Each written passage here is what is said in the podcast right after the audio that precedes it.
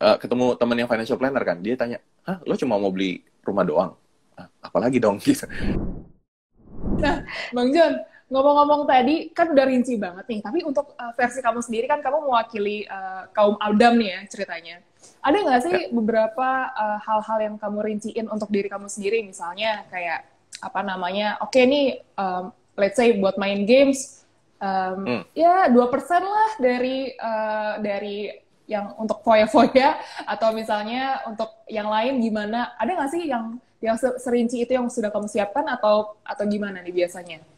Kalau ini ala, biasanya, ala Jonathan N nih biasanya. Ala menurutku ya mm-hmm. kalau kalau dia aku mm-hmm. sendiri uh, eh, 50% itu aku alokasikan buat kebutuhan sehari-hari.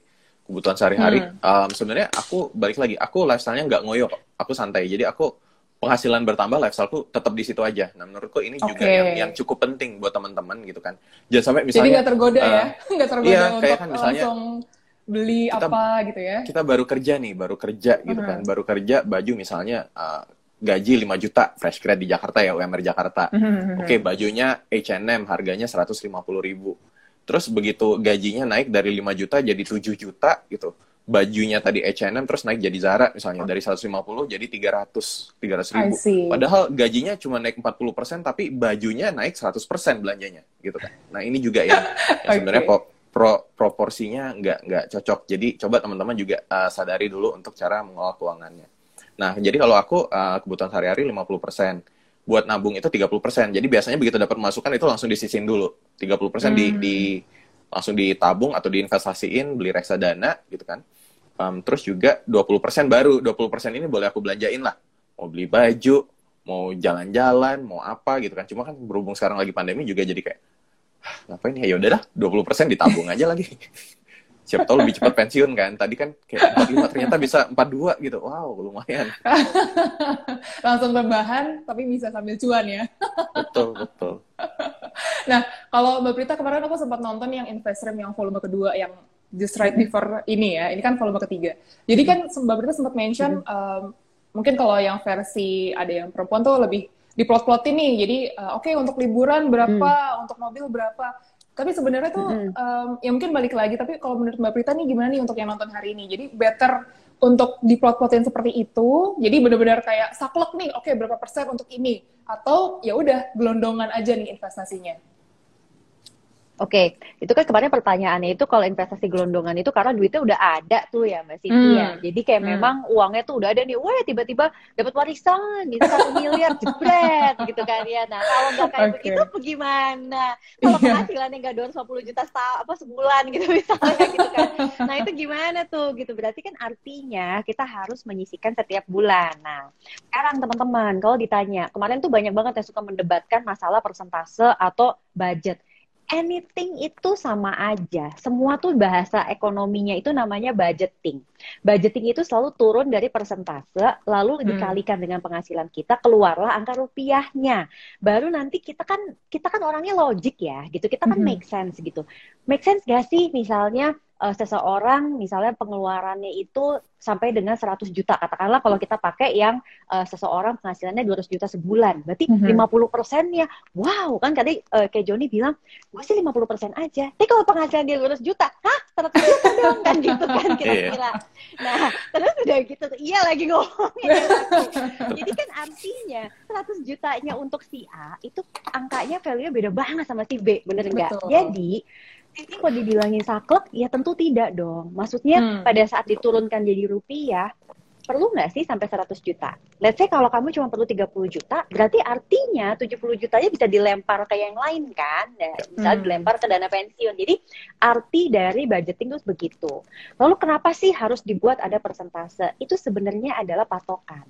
Jadi pertama patokan supaya kita tuh ngerti wajarnya berapa sih. Kalau kita bisa lebih kecil, bagus. Tapi kalau ternyata okay. kita lebih tinggi, kita tahu bahwa itu kelebihan. Terus yang kedua, kita bisa evaluasi. Itu kan yang paling penting. Karena kita tadi nih pada ngomong nih gimana nih kalau tadi single jadi double dari double dari triple ya makanya evaluasi gitu kan mm-hmm. dievaluasi karena bisa aja sekarang cukup nih pensiun muda 6 miliar eh tiba-tiba berapa tahun lagi dia kawin terus dia punya anak lima lagi gitu ya tiap apa tiap uh, apa setiap tahun misalnya produktif ya produknya tuh kembar gitu ya cukup.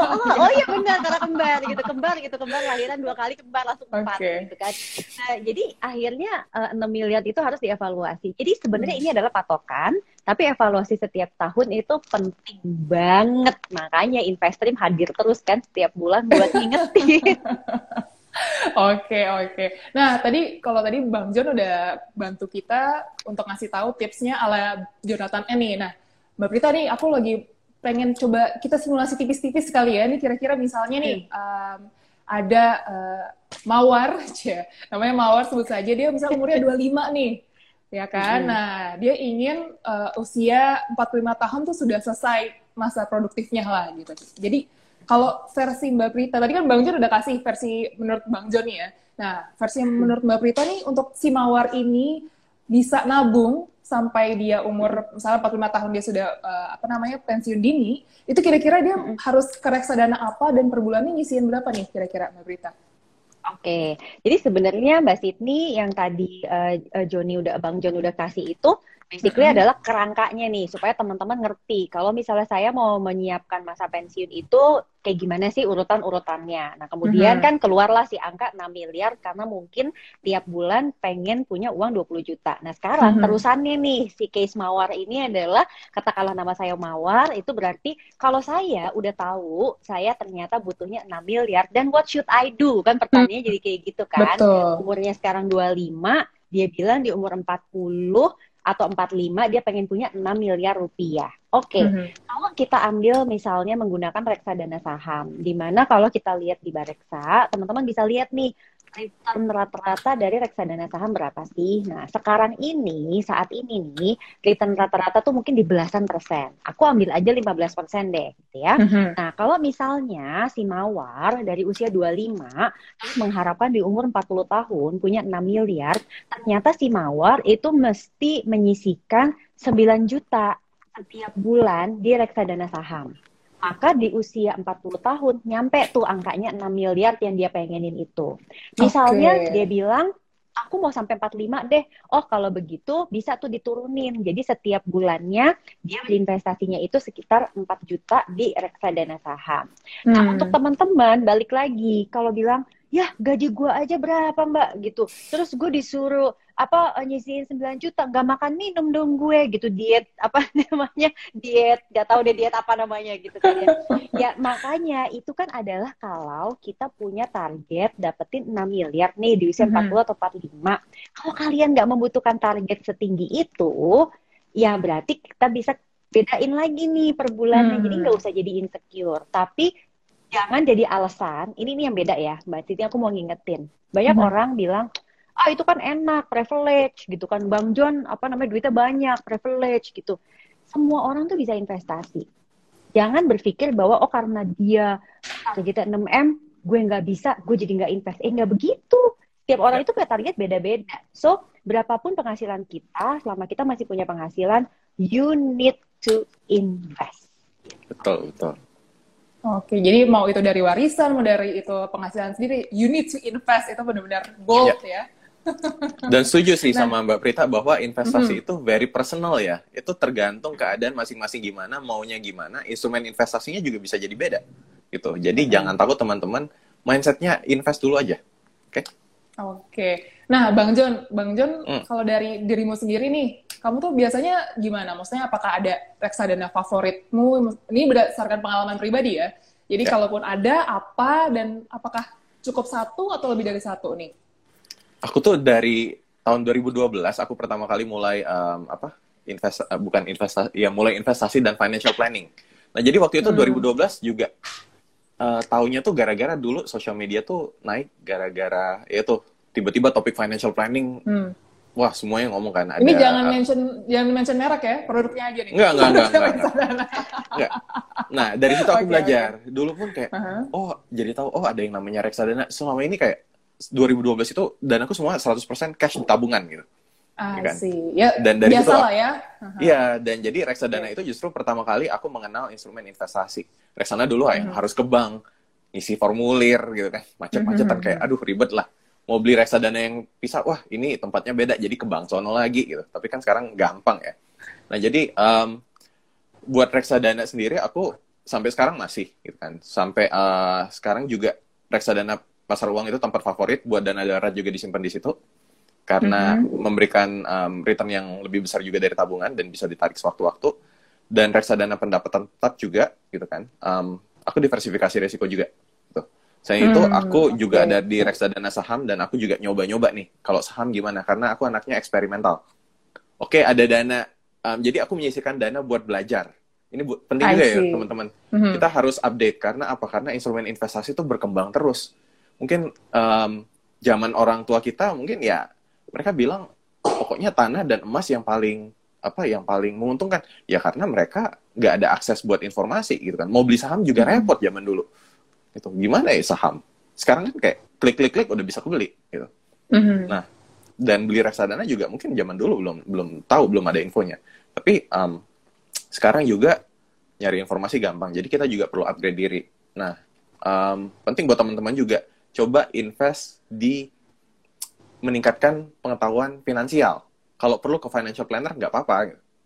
Ibaratnya itu kan mengarahkan gitu juga. Jadi bisa bantu uh, apa memberikan edukasi juga. Oh bisa kayak gini loh, gitu kan. Mungkin Mbak Frita juga nanti banyak klien-kliennya juga kan um, minta diajarin juga gitu loh. Jadi kita ada apa ya ada sudut pandang baru lah perspektif baru melihat uang dan instrumen investasi gitu. tapi aku um, rata-rata juga um, masih di reksadana sih Oke, jadi memang kalau dari Bang John sendiri ada beberapa ya ternyata. Jadi teman-teman mungkin itu trial and error juga kali ya Bang. Jadi benar-benar coba satu, akhirnya coba belajar lagi yang satu dan akhirnya jadi punya banyak nih sekarang. Betul dan ini ya, ketika kamu masuk ke instrumen investasi baru, dikit-dikit mm -hmm. aja dulu.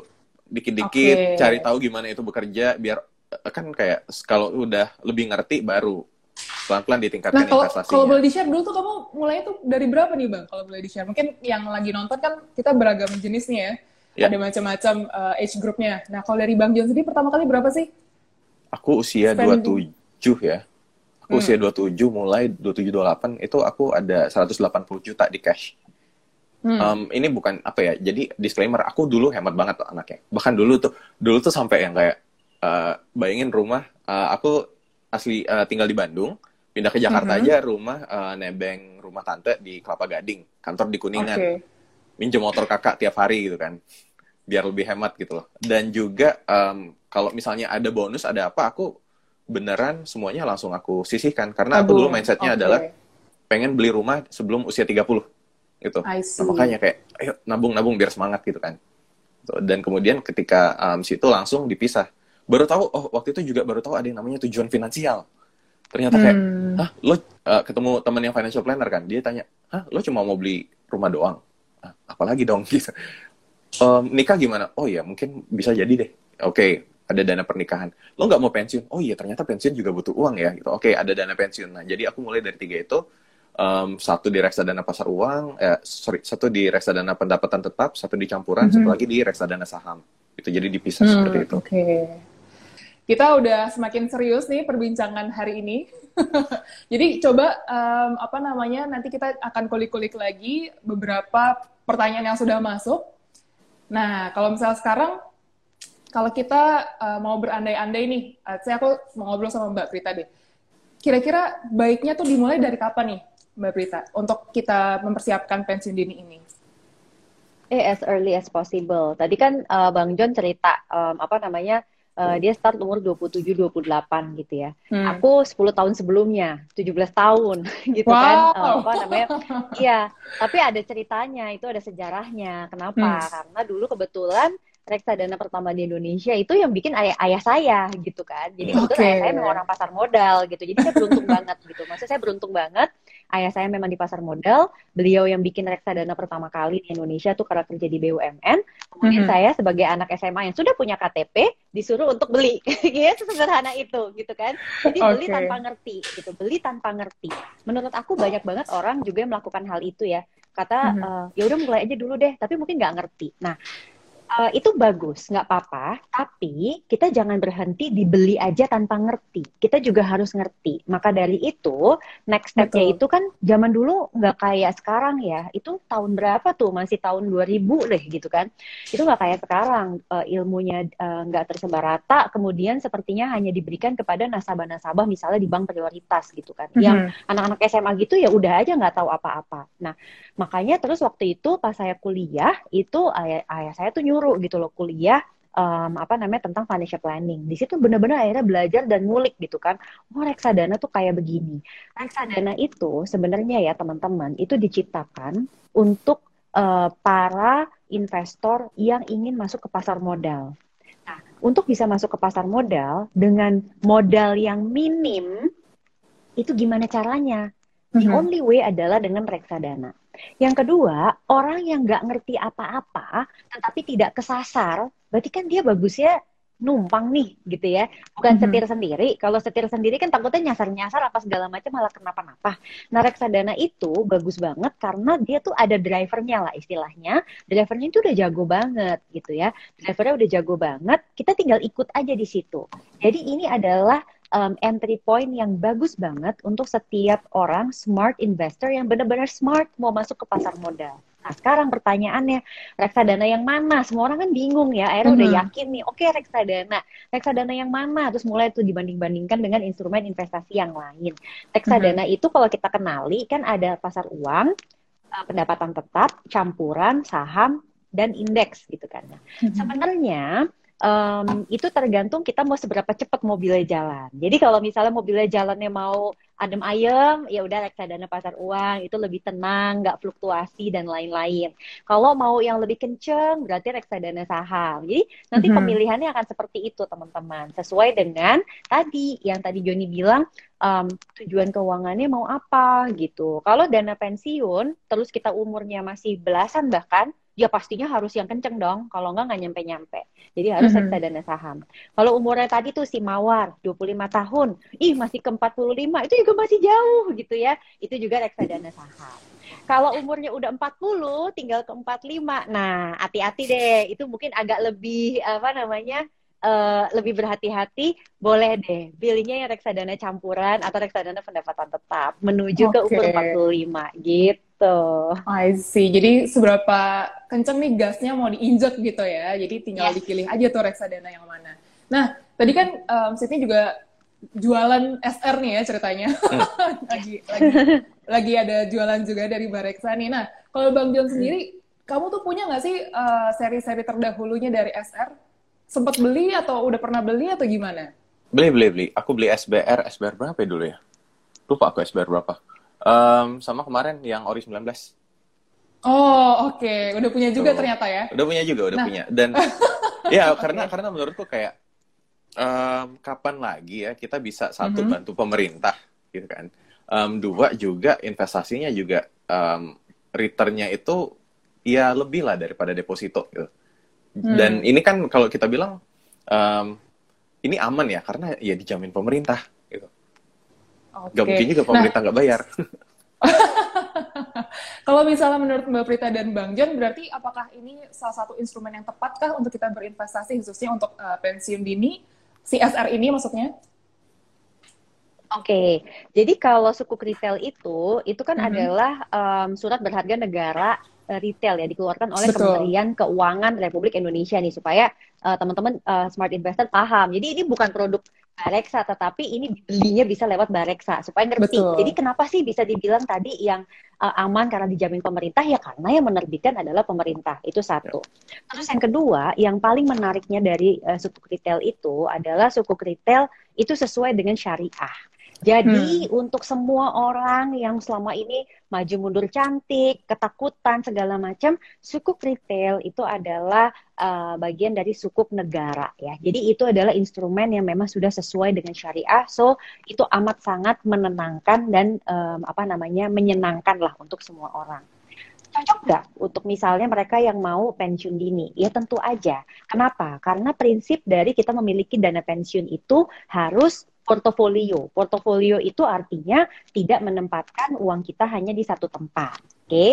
Nah, mm -hmm. um, pastinya kalau kita sudah misalnya jalan kencang pakai reksadana saham, hasilnya itu kalau memang udah tercapai, boleh diambil profitnya supaya uh, ada yang diamankan, itu dipindahin tuh di instrumen seperti suku retail. Jadi kita tuh udah uh, apa mengamankan sebagian dari profit-profit yang kita punya. Atau dibalik, misalnya kalian ketakutan banget terus eh, nggak uh, berani untuk uh, beli reksadana saham, berarti mm -hmm. ya udah modalnya supaya nggak bakal turun, uh, taruhnya di suku retail. Nanti kupon dari suku retail itulah yang dibelikan uh, reksadana saham setiap bulan gitu. Jadi itu adalah win-win solution untuk semua smart investor yang pengen tapi ragu-ragu karena nggak uh, mau modalnya tuh berkurang gitu. I see. Jadi sekali lagi ini bukan produknya Bareksa ya. Jadi melalui Bareksa belinya ke negara.